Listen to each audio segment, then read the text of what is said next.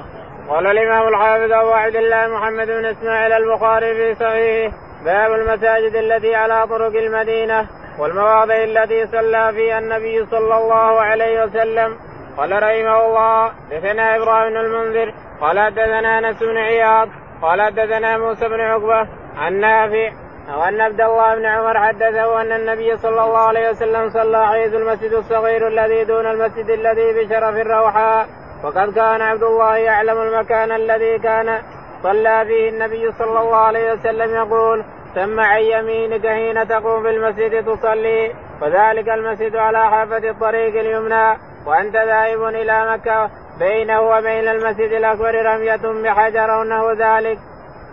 يقول البخاري رحمه الله بسم الله الرحمن الرحيم الحمد لله رب العالمين وصلى الله على نبينا محمد يقول البخاري رحمه الله في صحيحه ونحن لا نزال في أبواب المساجد.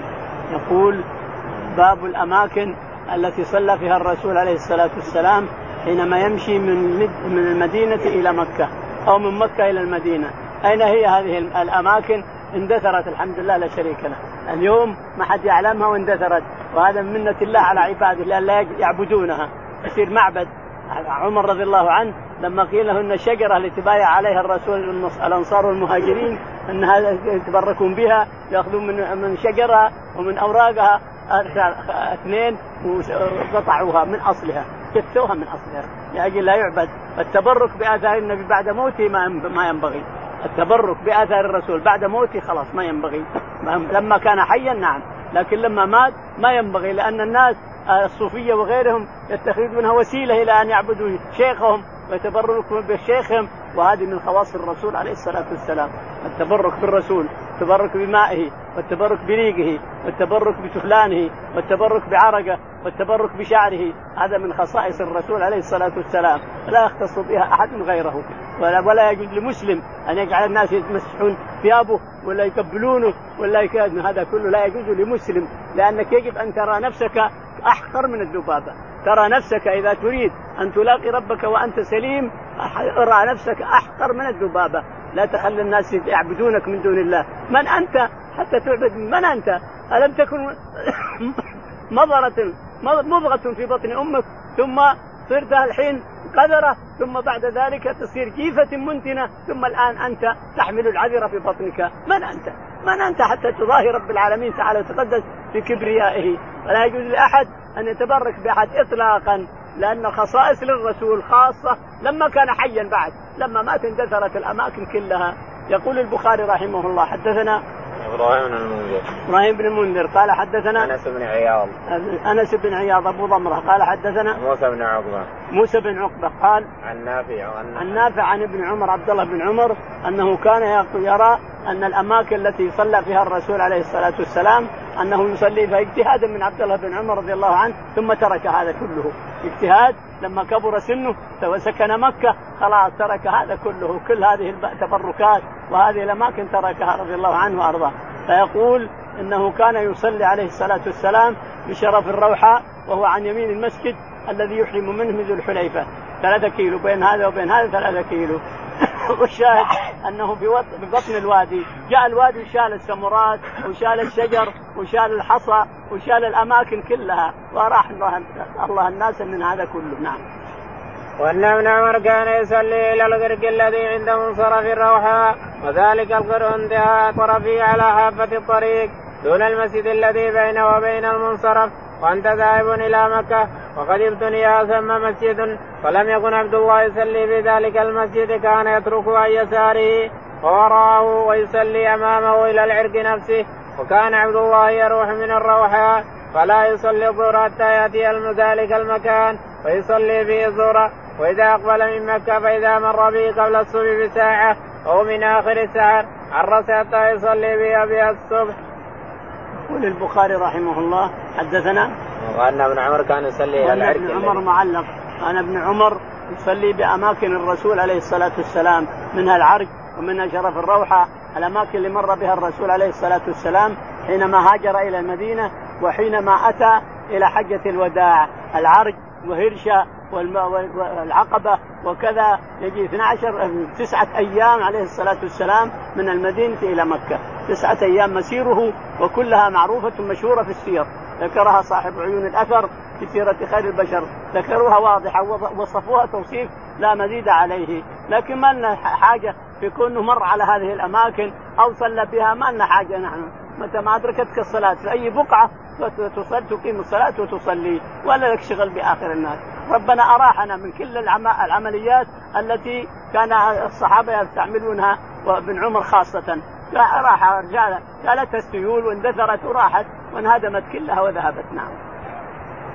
قال مر به قبل الصبح بساعة ومن آخر السهر غير. شرحنا. وأن عبد الله حدثه أن النبي صلى الله عليه وسلم كان ينزل تحت سرحة ضخمة دون الرويسة عن يمين الطريق ووجاه الطريق. في مكان بطن سهل حتى يغضي من أكمة دوين بريدة الرويسة بميلين وقد انكسر أعلاها فانثنى في جوفها وهي قائمة على ساق وفي ساقها كسب كثيرة. يقول رحمه الله أن السمرات الشجر شجرات على بطن الوادي وقريبات من شريف الروحة يقول كان ابن عمر يصلي فيهن ويزعم أن النبي عليه الصلاة والسلام كان يصلي فيهن إذا أتى ويعرس فيهن إذا خرج يعرس يعني ينام في آخر الليل إلى آخره. لكن ربك تعالى وتقدس من فوق سبع سماوات محى هذه السمرات كلها. شالها الوادي وتكسرت بعضها ببعض ومحى جميع الآثار الذي كان عند آبار علي رضي الله عنه. بقي البير التي يحرمون يحرمون الناس منها والتي أحرم منها الرسول حقيقة. أحرم من البير ذي طوى احرم ما هي ذي طوى؟ بير بير علي بير بير ذي الحليفة. ابر علي. ابر علي بير ابر علي لها اسم آخر. الشاهد إنها هي هي ميقات أهل المدينة. ومن مر بالمدينة هذا ميقاتهم. وإن شاء المحرم أن يمر بالمدينة ويترك الإحرام إلى رابغ. أو إلى الجحفه فله ذلك. لأن الميقاتين واحد. فإن أحرمت من. من ذي الحليفة من أبار علي أو أو تركت الإحرام الانسان خرجت من المدينة تريد مكة محرما بالحج أو بالعمرة فتركت الإحرام إلى الجحفه اذا الجحفه الآن سوتها الحكومة على طريقين. تروح السيارات من هنا إلى المدينة على طريقين ومن المدينة إلى الجحفه على طريقين. الجحفه هنا قريب أبعد من رابغ قليل من جهة المدينة. يعني رابغ أقرب المدينة إلى مكة من من الجحفة. أو إن شئت أن تأتي على الساحل وتحرم من رابغ. أنت حر يا الإنسان. تحرم من هذا أو تحرم من هذا أو تحرم من الميقات اللي وراها. كله واحد نعم. وأن وأن عبد الله بن عمر حدثه أن النبي صلى الله عليه وسلم صلى في طرف تلعه بوراء العرج وأنت ذاهب إلى خطبة عند ذلك المسجد قبران أو ثلاثة على القبور. ضخم من حجارة عن يمين الطريق عند سلامات الطريق بين أولئك السلامات كان عبد الله يروح من العرج بعد أن تميل الشمس بالهاجرة ويصلي الظهر في ذلك المسجد. يقول البخاري إن ابن عمر رضي الله عنه كان يتتبع أثر الرسول عليه الصلاة والسلام فيصلي إلى سمرات، السمرات هي الشجر الكبار، السمرة الشجرة الكبيرة مرة اللي يستظلون فيها أكبر من الخيمة، فكان هناك سمرات وكان يعرس الرسول فيها عليه الصلاة والسلام وكان ابن عمر يصلي فيها وينام فيها آخر الليل إذا أتاها آخر الليل إلى آخره. لكن كل هذا اندثر الحمد لله وشاله ربنا تعالى وتقدس واندثرت كسرت الشجر وشال الوادي الخفيف منها وتكسر بعضها وذهب واندثرت وجاء الأعراب وقصوها كلها لغنمهم وراحت كل هذه السمرات وهذه الشجرات والسلم وغير السلم كله راح كله راح. جاءه الأعراب البدو يقصونها لغنمهم يقصون ورقها يقصون الشجر ثم يأخذون خشبتها يأخذونها يسقفون فيها بعضهم وبعضهم. المهم إنها اندثرت هذه كل اللي يذكر البخاري عن اندثرت نعم. قال وانت ذا من عند ذلك المسجد قوران أو ثلاثة على القبور الرضم رضم من حجارة على يمين الطريق عند سلامات الطريق. هذا اجتهاد من ابن عمر رضي الله عنه، اجتهاد منه وإلا ما إحنا مكلفين بهذا كله، كل هذه الأمور ما إحنا مكلفين، المسلم أتته الصلاة يصلي في أي مكان كان، نعم. وأن عبد الله بن عمر حدثه أن رسول الله صلى الله عليه وسلم نزل عند سرحات عن يسار الطريق في مسيل دون هرشا ذلك المسيل لاصق بخراء هرشا بينه وبين الطريق قريب من غلوة. وكان عبد الله يصلي إلى سرحة اقرب السرحات إلى الطريق وهي أطولهن. يقول البخاري كان الرسول عليه الصلاة والسلام يصلي إلى سرحة. أو من السرحات أو سلمة من السلم كل هذا اسم لشجر لشجر كبار. السرحة اسم لشجرة كبيرة والسلمة اسم لشجرة كبيرة ولكن كل هذا كما ذكرنا ذهب الحمد لله يجي البدو والاعراب يقصونها من جذعها يحطون ورقها لغنمهم واندثرت هذه الأشجار كلها وانتهت. ومحت مرة واحدة ما عاد تلقى شيء هناك. تروح مثلا ذي الحليفة تدور شجر دور سمة فيه كله أرض صار أرض بيضاء كله. نعم. دون هرشه يقول ذلك. هرشه هرشه معروفه ثلاثة كيلو عن عند الحليفة نعم. وعن عبد الله المدينة. وعن عبد الله بن عمر حدثه أن النبي صلى الله عليه وسلم كان ينزل بالمسيل بالمدين الذي أدنى مر الزهران قبل المدينة حين يهبط من الصفراوات ينزل في بطن ذلك المسيل عن يسار الطريق وأنت ذاهب إلى مكة ليس بين منزل رسول الله صلى الله عليه وسلم وبين الطريق الا رميه بحجر. يقول ابن عمر إن الرسول كان يصلي هناك وكان ابن عمر يصلي هناك وكان الصحابة يعرفون ما كان يصلي فيه من الأماكن ومع هذا يتركونه إلا ابن عمر فابن عمر يحب متابعة الرسول في كل شيء حتى إن الرسول بال في طريق مزدلفة فابن عمر لا جاء حاجا نزل, نزل الشعر. اللي بال في رجله يقول فيه. يعني يتتبع آثار الرسول عليه الصلاة والسلام ولكنه لم يتابع على هذا. الصحابة رضي الله عنهم إذا لم يجمعوا على شيء فنحن لا نأخذ به ولا نتبعه ولا نقول به. إذا رأيت صحابي اتى بحديث أو فعل فعلا ينسبه إلى الرسول عليه الصلاة والسلام، لكن الصحابة ما تابعوه ولا أخذوا به، لأنهم أعلم بمقاصد الرسول، نحن لسنا مأمورين أن نأخذ به، نحن مأمورين أن نأخذ بمجموع الصحابة، المهاجرون والأنصار، إذا اجتمعوا على شيء أخذنا به وتوجهنا به إلى الله في عملنا، أما واحد يروي حاجة والصحابة ما فعلوه ولا عملوه فلا نعمل به، من هذا مثل مثلا. أن مالك بن الحويرث يقول إن الرسول جلس للاستراحة. إذا قام من الثانية قام من صلى الأولى ثم أراد يقوم إلى الثانية جلس للاستراحة. هل عمل به أحد من الصحابة؟ تقول لا. هل عمل به أحد من الأنصار والمهاجرين؟ لا. إذا ما نعمل بها نحن. نحن ما نعمل وليس السنة. إنما مالك كيفه مالك بن الحويرث رآه وفعله فإن فعلها ما نرد عليه واللي نشوفه يفعلها. ما ما نلومه ولا نرد عليه لكن نحن ما نفعل إلا ما فعله إجماع الصحابة. أجمع المهاجرون والأنصار على شيء نحن تبعهم. نعم. هذا الدين وهذه العقيدة اللي يجب على كل مسلم أن يمشي إليها. نمشي عليها حتى يلقى ربه. نعم. وأن عبد الله بن عمر حدثه أن النبي صلى الله عليه وسلم كان ينزل بذي طوى ويبيت حتى يصلي الصبح حين يقدم مكة ومصلى رسول الله صلى الله عليه وسلم ذلك على كمة غليظة ليس في المسجد الذي بني ثم ولكن أسفل من ذلك على كمة غليظة. يقول البخاري ولما ورد مكة عليه الصلاة والسلام آتيا من المدينة فاغتسل بذي طوى، ذي طوى قدام الولادة، مستشفى الولادة الآن قدامه بير يسمى بير ذي طوى، الآن حجر. حجرته الأوقاف حطوا عليه عمارة كبيرة والبئر تحتها وحجروه بجدار وحطوا باب عليه علشان ما يدخل أحد، لكن اللي يريد أن يدخل؟ يدخل الباب مفتوح، اللي يريد أن يدخل على البير لكن ما له لزوم البير. اللي يريد أن يغتسل من البير أو يدخل البير الباب مفتوح. لكن فوقه عمارة كبيرة والبير تحتها ومحجر بجدار وعليه باب. نعم. قدام الولاده بالضبط. نعم. يبيت حتى يصبح يصلي الصبح حين مكه يقول يبيت في طوى عليه الصلاة والسلام حتى يصلي الظهر ثم يسير إلى مكة نعم. حتى يصلي الصبح. حتى يصلي الظهر في في ذي الصبح ثم يسير إلى مكة نعم. ويبيت حتى يصبح ويصلي الصبح.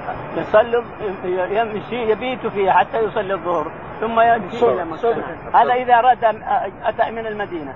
أما إذا خرج فلا يمر بذي طوى إذا ورد من المدينة واستراح هناك كان يبيت عليه الصلاة والسلام في ذي طوى ويغتسل منه ثم يدخل مكة سواء بالنهار أو بالليل. نعم. الصلاة الصبح. الصبح الصلاة. الصلاة الصبح. صلاة الصبح أو غيره إذا جاء بالليل أو بالنهار. وأن عبد الله يغتسل فيه ويصلي. وأن عبد الله حدثه أن النبي صلى الله عليه وسلم استقبل فرضتي الجبل الذي بينه وبين الجبل الطويل نحو الكعبة فجعل المسجد الذي بني ثم يسار المسجد بطفره في الأكمة ومصلى النبي صلى الله عليه وسلم على الأكمة السوداء تدعو من الأكمة عشرة أقرين أو نحوها ثم تصلي مستقبل الفرضتين من الجبل الذي بينك وبين الكعبة. يقول البخاري يصف لنا بئر في طوى وأن الرسول عليه الصلاة والسلام بات فيها واغتسل وبات فيها حتى صلى الفجر فيها عليه الصلاة والسلام. تصفها لنا لأنها بين أكمتين يعني جبلين صغيرين وهي بينهم وقدام الجبلين هذه جبل كبير جدا جبل لا تمر من عنده الإنسان على يسارك اذا تريد تأتي إلى الحرم على يسارك. وكمتين يعني جبلين صغيرين بينهن هذا البير يقول إن الرسول كان يبيت فيها حتى يصلي الفجر في ذلك المكان. نعم. يعني السنة الاغتسال المبيت انت حر لكن السنة الاغتسال من هذا البير إن استطعت. نعم. إذا كنت قادما على مكة. أبواب سترة المصلي. قال رحمه الله باب سترة الإمام سترة من خلفه. باب سترة الإمام سترة من خلفه. قال رحمه الله دثنا عبد الله بن يوسف. قال أخبرنا مالك بن شهاب. عن عبيد الله بن عبد الله بن عتبة. عن عبد الله بن عباس رضي الله عنهما أنه قال أقبلت راكبا على حمار أتاني وأنا يومئذ قد نازلت الاحتلام. ورسول الله صلى الله عليه وسلم يصلي بالناس بمنى إلى غير جدار. فمررت بين يدي بعد الصف فنزلت ارسلت الاتان ترتع. ودخلت في الصف فلم ينكر ذلك علي أحد. يقول البخاري رحمه الله أبواب سترة المصلي يقول رحمه الله حدثنا باب سترة الإمام سترة المصلي باب سترة الإمام سترة للمصلي لا شك في هذا أن الإمام جعل ليؤتم به فإذا انقطعت صلاته أو قطع صلاته شيء أو أحدث أو شيء بطل صلاة الجميع إنما جعل الإمام ليؤتم به فالإمام هو قدوتنا فإذا كان هناك قدامه سترة فسترته سترة للجميع وإذا كان في مكة فلا حاجة إلى السترة لا للإمام ولا للمامومين ما في حاجة إلى سترة لأن الرسول صلى طاف إلى هنا صلى هنا في باب بني سهم باب بني سهم هنا باب العمره وكان هناك ما فيه بيبان. تدخل على الحرم الحرم عرضه 27 متر. عرض الحرم كله دار ما يدور على 27 متر 27 متر كله دار ما يدور. والدخول فيه على سكك ضيقة ليس في بيبان. سكك هذه سكة بني سهم هذه سكة بني شيبة هذه سكة علي بن أبي طالب هذه سكة باب النبي عليه هذه سكة الهاشميين هذه سكة آه، بني, بني فلان بني جمح إلى آخره. فالشاهد أن الحرم كان يلفظ بسكك صغيرة. يسمى باب. هو ما في باب ولا شيء سكة. فكان الرسول عليه الصلاة والسلام يأتي ويصلي عند باب بني سهم هنا والناس يطوفون بين يديه ما ما يمنع أحد. فمعناه أن مكة لها خصيصة وهو أن لا تمنع أحد مر بين يديك الإنسان في مكة كلها. هذا مع بالنسبة إلى الكعبة. بالنسبة إلى الحرم كله حديثنا اللي بين يدينا. حدثنا عبد الله بن يوسف. عبد الله بن يوسف التنيسي. قال حدثنا مالك الإمام. قال حدثنا ابن شهاب. ابن شهاب الزهري. قال عن عبيد الله بن عبد الله عن عبيد الله بن عبد الله بن عتبة بن مسعود. قال عن ابن عباس. عن ابن عباس رضي الله تعالى عنه قال إنه ركب أتانا والرسول عليه الصلاة والسلام في منى في حجة الوداع لاحظ في حجة الوداع ابن عباس في حجة الوداع. يقول نحست الاحتلال. ما ناهز الاحتمال؟ لأنه قال صرفت في الليل مع سوده بالجمعة وأنا مع الغلمان صرف مع الغلمان. فمعناه إنه ما ناهز الاحتلام لكن عاد نقول إنه ناهز يعني إنه بلغ 12 سنة أو 10 سنوات يجوز إنه ناهز الاحتلام لأنه قد يحتلم لعشر أو يحتلم ل 11 أو ل 12 أو 13 جائز هذا. الولد قد يحتلم لعشر ويحتلم لاكثر ولاقل والمرأة قد تحيض لتسع. جائز هذا كله. شاهد يقول أنا ركبت على أتان حمارة أنثى ركب عليها وأتى الرسول عليه الصلاة والسلام بخيف منها مسجد الخيف في منى يصلي بالناس إماما عليه الصلاة والسلام إلى غير جدار هذا الشاهد إلى غير سترة. أجمع علماء الإسلام أن قوله إلى غير جدار يعني إلى غير سترة ما ستر نفسه في منى. فمعنى هذا أن مكة لا تستر لا تمنع احدا مر بين يديك الإنسان. لأن الرسول لأن الرسول صلى هنا عند باب سهم والناس يطوفون بين يديه وصلى في منى مسجد الخيف وليس أمامه شيء. ما أمامه لا جدار ولا ستر ولا شيء يقول ابن عباس فمررت بين يدي الصف ثم تركت الأتان وصففت معهم ولا أنكر علي أحد ليش؟ لأن سترة الإمام سترة للمأمومين، لكن مع هذا ما في سترة قدام الرسول عليه الصلاة والسلام. قال رحمه الله حدثنا إسحاق قال حدثنا عبد الله بن نمير قال حدثنا عبيد الله النافع عن ابن عمر رضي الله عنهما أن رسول الله صلى الله عليه وسلم كان إذا خرج يوم العيد أمر بالحرب فتوضع بين يديه ويصلي إليها والناس وراءه وكان يفعل ذلك في السفر فمن ثم اتخذها الأمراء. يقول البخاري رحمه الله حدثنا باب المنصور باب. تابع للباب. تابع للباب. حدثنا إسحاق بن منصور. إسحاق بن منصور. قال حدثنا عبد الله بن نمير. عبد الله بن نمير. قال حدثنا عبيد الله بن عمر. عبيد الله بن عمر قال عن نافع عن ابن عمر. عن نافع عن ابن عمر لمضى العمري. العمري المشهور رضي الله عنه. عن نافع عن ابن عمر قال أن رسول الله صلى الله عليه وسلم كان إذا خرج يوم العيد أمر بالحرب إن الرسول عليه الصلاة والسلام كان إذا خرج يوم العيد إلى الصحراء إلى البر لأنه أوسع ولأن الناس يجتمعون فيه نساء ورجال وعواتق ومخدرات والحيض كلها يشهدن الخير ودعوة المسلمين. فتجد النساء وراء الرجال والحيض من وراء النساء بعيد عنهن وخطب الرسول الرجال وخطب عليه الصلاة والسلام النساء خطب النساء جميعا هؤلاء وهؤلاء.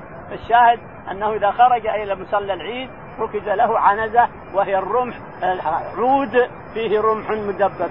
عود عود فيه رمح مدبب. يخبطه يضرب به الأرض ثم يقف العود ويصير سترة للإمام. ولم يعهد أن الرسول عليه الصلاة والسلام اتخذ سترة ترك السترة. لم يعهد أن الرسول ترك السترة. لا في حضر ولا في سفر إلا بمكه ما يعهد ما ذكر عن الرسول أنه ترك السترة لا في حضر ولا في سفر إلا بمكه فإنه لم يجعل الستره هذا معناه أن مكة لها خصائص 18 خصيصة كما ذكرها ابن القيم في فوائد غزوة الحديبية. لما حصر على مكة ذكر الفوائد هناك نعم. ومن ثم اتخذها الأمراء. ومن ثم اتخذ الأمراء عنزه يخرجونها بين يديهم يعني تقليد للرسول نعم.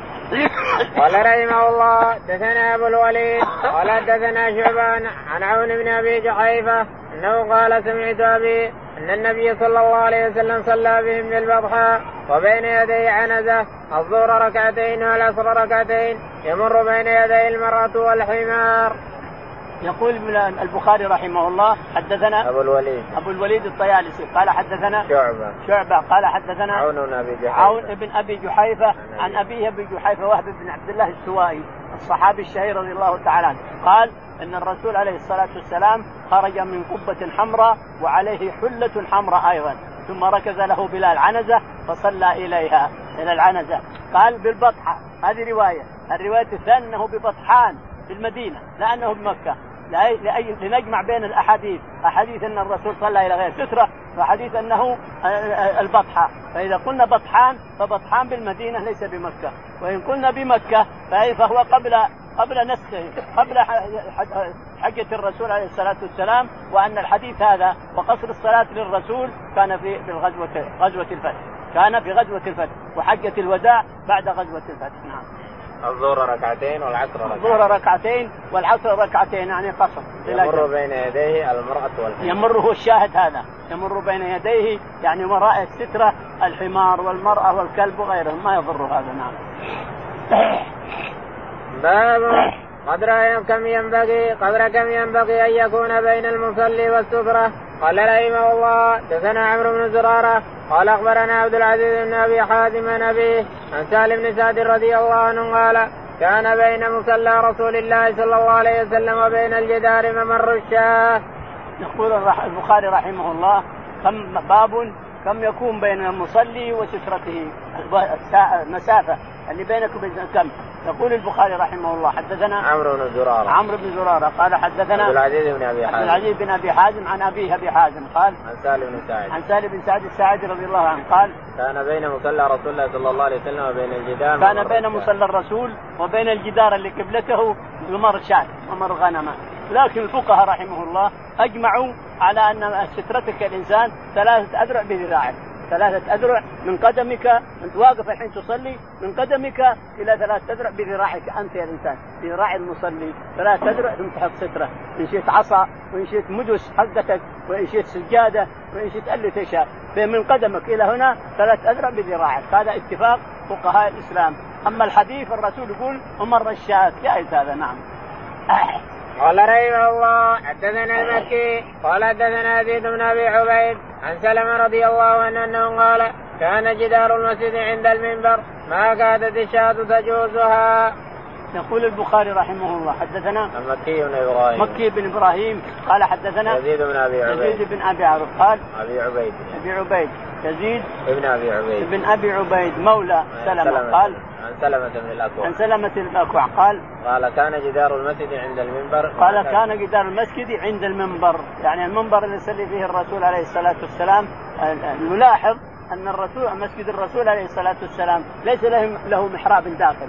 يعني المساجد الآن لها محراب داخل الإمام يدخل بوسط المحراب، الرسول لا عليه الصلاة والسلام. يوقف هنا والصف من وراءه، يقف هنا بدون محراب، يقف هنا والصف من وراءه، وليس هناك محراب ولا شيء، إنما لما أتى الدرج صار يصلي على على الدرج أحيانا وأحيانا على الأرض، صلاته كلها الفريضة على الأرض، تصلي على الأرض بدون محراب يدخل فيه، ما له محراب عليه الصلاة والسلام، والمدينة ما كان لها محراب، لكن بعد ما بنيت المساجد وهدمت جعلوا محاريب ولا فكان لا يصلي على المحراب عليه الصلاة والسلام يقف في الصف والناس وراءه من هنا نعم. كان جدار المسجد عند المربى ما كانت الشاة تجوز. جدار المسجد كانت الشاة تمر فيه أو ما كادت الشاة أن تمر في بين يدي الرسول عليه الصلاة والسلام. نعم ما كادت الشاة تجوزها. أن تمر بينه بينه وبين الجدار نعم. باب الصلاة إلى الحربة قال رحمه الله دثنا مسدد قال حدثنا يحيى عن عبيد الله قال أخبرني نافع عن عبد الله رضي الله عنه أن النبي صلى الله عليه وسلم كان يركز له الحربة فيصلي إليها. يقول البخاري رحمه الله باب الصلاة إلى الحربة، وش الحربة؟ يقول هي العنزة وهي الرمح وهي أسماء كثيرة، اللغة العربية تسمي مسمى الواحد وهذا ثلاثة أربعة خمسة ستة كلها أسماء لهذا الشخص الشيء. الحربة هي العنزة وهي الرمح وهي الحربة كل واحد. الشاهد يقول باب الصلاة إلى الحربة. قال حدثنا مسدد. مسدد بن مسرهد قال حدثنا يحيى بن سعيد. يحيى بن سعيد القطان. قال عن عبيد الله بن عمر عن عبيد الله بن عبد الله. قال عن عبيد الله بن عمر العمر عبد الله بن عمر. قال عن قال أخبرني نافع عن ابن عمر. قال أخبرني نافع عن ابن عمر رضي الله تعالى عنه. أنه قال أن النبي صلى الله عليه وسلم كان يركز له الحربه فيصلي إليها. أن النبي عليه الصلاة والسلام كانت تركز له الحربه عود في راسه حديدة مدببة. يضرب الأرض ثم تقف يصلي إليها عليه الصلاة والسلام في كل أسفاره في السفر والحضر لا يمكن يصلي إلا إلى سترة إلا بمكة. نعم. باب الصلاة إلى العنزة. قال رحمه الله دثنا آدم. قال دثنا شعبة قال دثنا عون بن أبي جحيفة أنه قال سمعت أبي قال خرج علينا رسول الله صلى الله عليه وسلم بالهاجرة فأتي بوضوء فتوضأ وصلى بنا الظهر والعصر وبين يديه عنزة والمرأة والحمار يمرون من ورائها.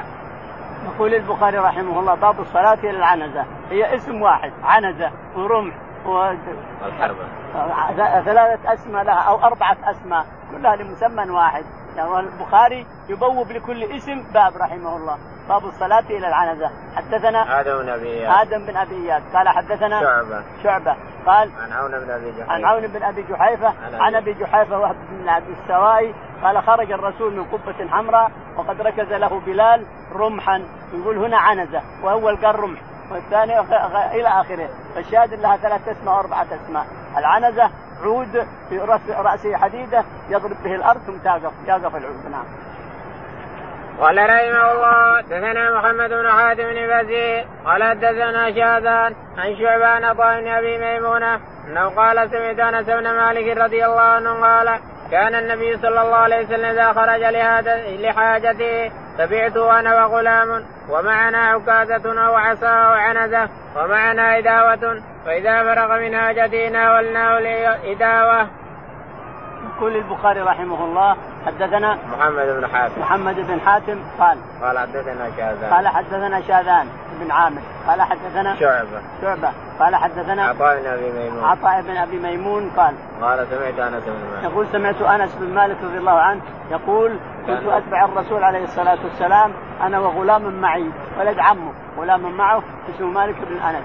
يقول نتبعه بسطل سطل صغير مليان ماء نتبع الرسول عليه الصلاة والسلام ومعنا أحيانا يقول عصا أو إذاوة أو عنزة فيأخذ الاداوه منا ويتوضأ منها بها ثم يأخذ العنزة أو أو العصا ويجعله عرضا. إنسانه عصا يعرضه عرضا إنسانه حربة يرصدها في الأرض ويصلي إليها عليه الصلاة والسلام. شاهد العنزة نعم. باب السدرة بمكة وغيرها. قال رحمه الله دثنا سليمان بن حرب قال دثنا شعبان الحكم عن أبي جعفر رضي الله عنه قال خرج رسول الله صلى الله عليه وسلم بالهاجرة فصلى بالأضحى الظهر والعصر ركعتين ونسب بين يدي عنزة وتوضأ فجعل الناس يتمسحون بوضوئه. يقول البخاري رحمه الله باب السترة انظر التبويب هنا. باب السترة بمكة وغير مكة. هذا تفقه البخاري رحمه الله ورضي عنه. يقول يكرر لنا حديث أبي جحيفة في بطحة أو بطحان أو أنه في البطحة أو في بطحان الله أعلم. ثم لو قلنا أن حديث أبي جحيفة في مكة فإنه منسوخ بحديث ابن عباس التي في حجة الوداع لأن هذا فتح مكة. والفتح متأخر عن متأخر عن عن فاللي جاءت في حجة الوداع ناسخ لما قبله كما أن حديث الجز الجزم وقطعها حديث ابن عمر في المدينة وحديث ابن عباس بعرفات ناسخ لما في المدينة إلى آخره. الشاهد كله متأخر من الرسول عليه الصلاة والسلام ينسخ ما تقدم. يقول البخاري حدثنا سليمان بن حرب. سليمان بن حرب. قال حدثنا شعبة. شعبة. قال حدثنا الحكم بن عتيبة. الحكم بن عتيبة. قال عن أبي جحيفة. عن أبي جحيفة عن قال خرج رسول الله صلى الله عليه وسلم بالهاجرة فصلى بالبطحاء يقول خرج الرسول عليه الصلاة والسلام بالهاجرة من قبة حمراء كما يقول كما وصفها فقام البلال وركز له عنزة بالبطحاء وعليه يقول حلة حمراء كما وصفه في الماضي نعم. وتوضأ فجعل الناس يتمسحون به يقول ودعا بماء فجعل الناس يتوضؤون الناس ويسكن بعارينهم ويملون قربهم وكل شيء والما بين يديه عليه الصلاة والسلام. هذا يدل على أن الوضوء من زمزم أنه جائز لأن اللي نبع بين اصابع أفضل من زمزم. الوضوء من زمزم جائز لأن اللي نبع بين أصابع الرسول أفضل من ماء زمزم نعم. باب الصلاة إلى الأسطوانة. وقال عمر المصلون أحق بالسواري من المتحدثين إليها؟ ورأى عمر رجلا يصلي بين أسطوانتين فأدناه إلى سارية فقال صل إليها. قال رحمه الله دثنا المكي بن إبراهيم قال دثنا يزيد بن أبي عبيد أنه قال كنت آتي مع سلمة بن الأكوى رضي الله عنه فيصلي عند الأسطوانة التي عند المصحف. فقلت يا أبا مسلم أراك تتحرى الصلاة عند هذه الأسطوانة قال فإني رأيت النبي صلى الله عليه وسلم يتحرى الصلاة عندها. يقول البخاري رحمه الله باب المصلى إلى الاسطوانه، الاسطوانه العمود، العمود اللي في المساجد في حرم هنا وفي غيره من المساجد، كل عمود يسمى اسطوانه، يقول رحمه الله حدثنا وقال عمر المصلون أحق بالسواري يقول عمر رضي الله عنه المصلون أحق بالجالس المتكي متكي على الاسطوانه يعني العمود. ملكي ظهره على العمود والثاني ملكي يتهرجون يقول لا اللي بيصلي أحق منك. وخر انت على هذا خلى الرجال يصلي يجعل العمود سترة له وأنت انزل. أفسح هنا ولا هنا؟ أما أنت تجلس تتهرج وتمنع المصلي ما يمكن.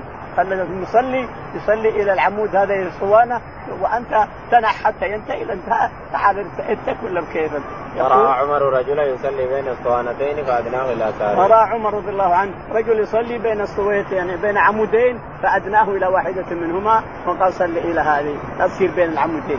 صل إلى هذه لتكون لك سترة نعم. قال حدثنا المكي بن يقول البخاري حدثنا المكي بن إبراهيم قال حدثنا يزيد بن أبي عبيد. يزيد بن أبي عبيد عن قال كنت آتي مع سلمة بن فيصلي عند الأسطوانة كنت عند سلمة بن الأكوع فقال آه، فيصلي عند الأسطوانة التي عند المصحف. يقول كان يصلي عند الأسطوانة التي عند المصحف.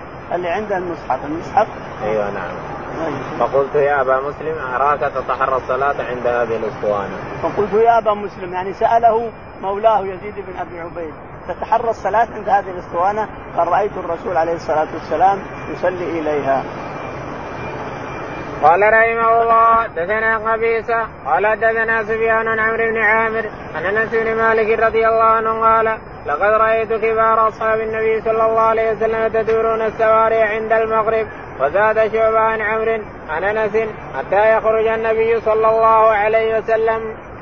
يقول البخاري رحمه الله حدثنا قبيصة قبيصة قال حدثنا سفيان الثوري. سفيان الثوري قال عن عمرو بن عامر. عن عمرو بن عامر قال حدثنا أنس بن مالك. أنس بن مالك رضي الله عنه يقول رأيت أصحاب الرسول عليه الصلاة والسلام يبتدرون السواد إذا أذن المغرب ابتدروا العمود كل واحد يصلي إلى عمود حتى يخرج الرسول عليه الصلاة والسلام. حتى ترى إذا دخلت من الباب تظن أن الصلاة قد قامت من كثرة من يصلون إلى العمد. يقول كأن الصلاة قامت مع أنهم ما, ما قامت الصلاة ولا جاء الرسول عليه الصلاة والسلام لكنهم يصلون رضي الله عنهم على ركعتين ركعتين. كل واحد يصلي تسليمة واحدة. أما من قال صلوا بعد المغرب صلوا بعد المغرب صلوا بعد المغرب وأنه يصلي ثلاث تسليمات فهذا غلط. لأن تاكيد الرسول هذا للتأكيد. صلوا بعد المغرب صلوا بعد يعني بعد أذان المغرب. هذا تأكيد. لا أنه تعداد للصلوات. تصلي تسليمه وتسليمه وتسليمه لا إنما يقصد الرسول التكرار. التكرار هذا للتأكيد على أنك تصلي بعد المغرب الانسان ركعتين. هذا المقصود نعم. قبل المغرب. لا بعد ما قبل صلاة الفريضة نعم. لكن بعد الأذان نعم. وزاد شعبة عن عمرو عن كان حتى يخرج النبي صلى الله عليه وسلم. وزاد شعبة عن عمرو عن أنس حتى يخرج الرسول حتى يجيهم الرسول تقام الصلاة وهم يصلون إلى السواري نعم. باب الصلاة بين السواري في غير جماعة. قال رحمه الله دثنا موسى بن إسماعيل قال دثنا جويرية عن نافع عن ابن عمر رضي الله عنهما قال دخل النبي صلى الله عليه وسلم البيت أسامة بن زيد وعثمان بن طلحة وبلال رضي الله عنهم فأطال ثم خرج كنت أول الناس دخل على أثره فسألت بلالا أين صلى؟ قال بين العمودين المقدمين. يقول البخاري بوض باب للعمودين. مع أن الصلاة بين العمودين مكروهة. يعني لغير الكعبة الصلاة بين العمودين تجي وتصلي عندك صف هذا قائم وعندك صف هذا تقطعه الأعمدة. السواري تقطعه لا يجوز هذا إلا للحاجة. إذا كان هناك حاجة وضيق على المصلين فلهم أن يصلوا بين العمودين، إذا لم يكن هناك حاجة لا تصح الصلاة أو قيل إنها مكروهة أن تصلي بين عمودين يعني صف صف بين عمودين مكروه هذا. إلا إلى لحاجة لضيق المسجد أو لكثرة المصلين أو شيء من هذا، أما الكعبة فلها خصائص أخرى.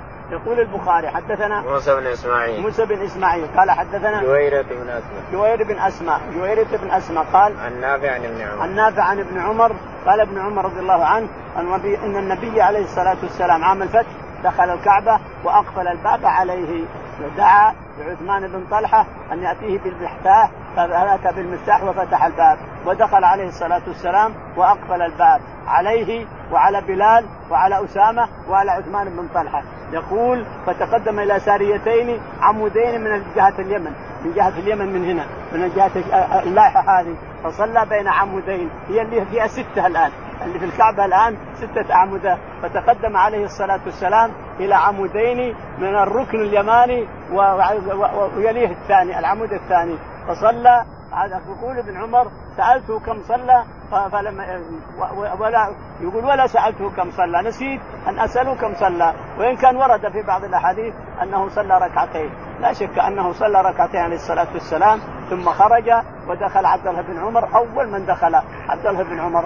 فسأل بلال أين صلى الرسول؟ قال بين العمودين بين الساريتين هاتين اليمانيتين. فصلى ابن عمر هنالك ويقول في بعض الأحاديث إنه نسي أن يسأله كم صلى. وورد في بعض الأحاديث أنه ساله والله أعلم. نعم. قال رحمه الله دثنا عبد الله بن يوسف قال أخبرنا مالك النافع عن عبد الله بن عمر رضي الله عنهما أن رسول الله صلى الله عليه وسلم دخل الكعبة وأسامة بن زيد وبلال وعثمان بن طلحة الحجبي فأغلقها عليه ومكث ومكث فيها. فسألت بلالا حين خرج ما صنع النبي صلى الله عليه وسلم. قال جعل عمودا عن يساره وعمودا عن يمينه وثلاثة أعمدة وراءه. وكان البيت يومئذ على ستة أعمد ثم صلى. وقال لنا إسماعيل حدثني مالك وقال عمودين عن يمينه. يقول البخاري رحمه الله حدثنا عبد الله بن يوسف. عبد الله بن يوسف قال حدثنا مالك قال حدثنا نافع عن ابن عمر. نافع عن ابن عمر أن الرسول عليه الصلاة والسلام في فتح مكة دخل الكعبة وصلى إلى أسطوانتين عمودين قدام لأن لها ستة اعمده من هناك اليوم إلى اليوم. لها ستة اعمده فصلى قبلته قبلته على الجدار اليماني. الجدار اللي هي الركن اليماني. صلى بين عمودين عليه الصلاة والسلام. ودخل معه أسامة بن زيد ودخل بلال ودخل عثمان الحجبي الذي هو حاجب الكعبة. ثم خرجوا فسأل عبد الله بن عمر بلالا أين صلى الرسول؟ قال بين العمودين هذين اليمانيين. فصلى ابن عمر بين العمودين. نعم. قال جعل عمودا عن يساره وعمودا عن يمينه. جعل عمودا عن يساره وعمودا عن يمينه. وفي رواية عمودين عن يمينه. وجعل ثلاثة أعمدة وراءه. عليه الصلاة والسلام. عليه الصلاة والسلام. باب. قال رحمه الله دثنا إبراهيم بن المنذر. قال دثنا أبو دمره قال دثنا موسى بن عقبة النافع. ان عبد الله رضي الله عنه كان إذا دخل البيت مشى قبل وجهه حين يدخل وجعل الباب قبل ظهره فمشى حتى يكون بينه وبين الجدار الذي قبل وجهه قريبا قريبا من ثلاثة أذرع صلى يتوقع المكان الذي أخبره به بلال أن النبي صلى الله عليه وسلم صلى فيه قال وليس على أحدنا بأس إن صلى في أي نواحي البيت شاء. يقول البخاري رحمه الله حدثنا إبراهيم بن المنذر. إبراهيم بن المنذر. قال حدثنا أبو ضمرة. أبو ضمرة أنس. قال حدثنا موسى بن عقبة. موسى بن عقبة قال عن نافع عن ابن عمر. عن نافع عن ابن عمر أن عبد الله بن عمر رضي الله تعالى عنه تخلف وأتى بعدما فتح باب الكعبة. وكان الرسول عليه الصلاة والسلام دخل داخلها وصلى بين عمودين ما يلي جدار الركن اليماني. صلى بين عمودين. فطلع عبد الله بن عمر وسأل بلال أين صلى الرسول؟ قال بين العمودين هذه التي تلي تلي الركن اليماني واللي يليها من يمين إلى آخره فصلى ابن عمر تلك الصلاة ثم خرج نعم. نافع يقول كان إذا دخل الكعبة مشى قبل وجهه حين يدخل وجهه. يقول نافع أن ابن عمر رضي الله عنه إذا دخل الكعبة مشى قبل وجهه حتى يجعل العمودين عن يمين واحد وعن يسار واحد والجدار على قبلته لكن أي مكان يصلي الإنسان الكلام على القبول أي مكان لا يقدس الانسان لا يقدس الإنسان إلا عمله الإنسان ما يقدسه إلا عمله تصلي في الكعبة ولا تصلي في الشرق ولا تصلي في الغرب ولا تصلي إذا قبل الله عملك فأبشر لا يقدس الإنسان إلا عمله نعم. وقال ابن عمر ليس على أحدنا بأس إن صلى في أي نواحي. وقال ابن عمر ليس على أحد بأس أي مكان صلى أي مكان تصلي فيه إذا قبله الله فأبشر نعم. باب الصلاة إلى الراحلة والبعير والشجر والرحل قال رحمه الله حدثنا محمد بن أبي بكر المقدمي قال حدثنا معتبر عن عبيد الله النافع عن ابن عمر رضي الله عنهما عن النبي صلى الله عليه وسلم أنه كان يعرض راحلته فيصلي إليها. قلت أفرأيت إن هبت الركاب؟ قال كان يأخذ هذا الرحل فيعدله فيصلي إلى آخرته. أو قال مؤخره وكان ابن عمر رضي الله عنه يفعله. يقول البخاري رحمه الله باب الصلاة إلى البعير أو إلى الرحل الشداد اللي تركب على تحط على الناقة وتركب فيه تركب عليه إلى آخره. الصلاة إلى الناقة جائز والصلاة إلى الشداد جائز والصلاة إلى الرحل جائز والصلاة إلى العصا جائز والصلاة إلى أي شيء تنوي الإنسان أنه سترة لك جائز كل شيء. تنوي بقلبك أن هذا الشيء سترة لك جاز جاز سترة وامنع أحد لا يمر بين يديك في غير مكة. يقول البخاري رحمه الله حدثنا محمد بن أبي بكر. محمد بن أبي بكر. قال حدثنا معتمر بن سليمان. معتمر بن سليمان. قال عن عبيد الله بن عمر. عن عبيد الله بن عمر قال عن نافع عن ابن عن نافع عن ابن عمر أنه كان أن النبي صلى الله عليه وسلم كان يعرض راحلته فيصلي يقول إن النبي عليه الصلاة والسلام كان يعرض راحلته بينه وبين القبلة ثم يجعلها قبلة له. فإذا تحركت الناقة. راحت يمين ولا يسار ولا لوت عنقها ولا شيء أخذ الرحل أخذ اشتاد في الأرض اشتاد في الأرض. وجعله قبلة سترة له وترك الناقة. لأن الناقة ما هي بيدك الإنسان. فتروح هنا وتروح هنا وتلفت وتضع عنقها هنا وقد تثور تقوم. ولكن اجعل رحلها. الرحل في الأرض. اجعل الرحل هو سترتك. إذا قامت الناقة اجعل الرحل هو السترة نعم وكان ابن عمر يفعله. وكان ابن عمر يفعله يعني يجعل راحلته هي السترة أو شدادها أو إشداد نعم. باب الصلاة إلى السرير. قال رحمه الله دثنا عثمان بن أبي شيبة قال دثنا جرير عن منصور عن إبراهيم الأسود عن عائشة رضي الله عنها قالت أعدلتمونا بالكلب والحمار. لقد رأيتني مضطجعة على السرير فيجيء النبي صلى الله عليه وسلم فيتوسط السرير ويصلي فأكره أن أسنعه فأنسل من قبل رجلي السرير حتى أنسل من لحافي. يقول البخاري رحمه الله باب الصلاة في السرير أو على السرير أنه جائز. السرير بس بشرط أن لا يكون مرتفع عن الأرض وليس له قوائم. إذا كان له قوائم أربع هذه القوائم لاصقة بالأرض ما يمكن يتحرك السرير جاز الصلاة. أما أن تصلي على سفنجة والسفنجة لا تقعد وراء جبهتك. في الوجه فإن سبعة الأعضاء لا تصح الصلاة إلا إذا لصقت بالأرض. السبعة الأعضاء الوجه واليدين والركبتين والرجلين والقدمين. لابد تكون لاصقة في الأرض فلو وجدنا مثلا كرسي مرتفع عن الأرض لكن له قوائم أربع لاصقة بالأرض جاز الصلاة فيه. لكن الشيء الذي ما ينتني وراء تحت الأعضاء فإنه لا تصح الصلاة فيه. أما السرير سرير النوم فإنه لاصق قاسي وتصلي فيه الإنسان. يقول البخاري رحمه الله حدثنا عثمان بن أبي شيبه عثمان قال حدثنا جرير. جرير قال حدثنا منصور بن المعتمد منصور قال حدثنا إبراهيم. إبراهيم قال عن الأسود عن عائشة. عن الأسود إبراهيم بن يزيد يعني عن الأسود عمه قال عن عائشة. عن عائشة رضي الله تعالى عنها أنها قالت كان كنت أنا والنبي على سرير عليه الصلاة والسلام. أعدلتمونا بالكلب والحمار. تقول عائشة عدلتمونا بالكلب والحمار. قبحكم الله تقول عدلتمونا بالكلب والحمار. يعني إن الحديث اللي ورد يقطع الصلاة الكلب والحمار والمرأة. قالت عدلتمونا بالكلاب والحمير. قبحكم الله قبحكم الله. هذا صحيح كلامها وأن الحديث اللي ورد كلها هشة. ليس فيها سند صحيح وإنما الصحيح أن الكلب الأسود البهيم هو اللي يقطع الصلاة لأنه شيطان. العلة أنه شيطان فلا تجعله يمر بين يديك الإنسان. أما الكلب والحمار والمرأة فلا بأس فلا بأس بذلك. لأن الأحاديث التي وردت في الكلب والحمار والمرأة كلها حشة لا تقوم على أساس. الشاة تقول إنها على سرير نائمة على هي والرسول عليه الصلاة والسلام. فيقول فيقوم عليه الصلاة والسلام ويتوضأ ويجي يصلي على سريره على السرير اللي فيها عائشة. تقول عائشة فإذا رأيته يصلي وأنا قدامه سللت نفسي وانحدرت عن السرير جعلته يصلي على كيفه. نعم. معناه صحة الصلاة على السرير القاسي. اللي قاسي ما له قوائم أو أنه هو بنفسه قاسي نعم.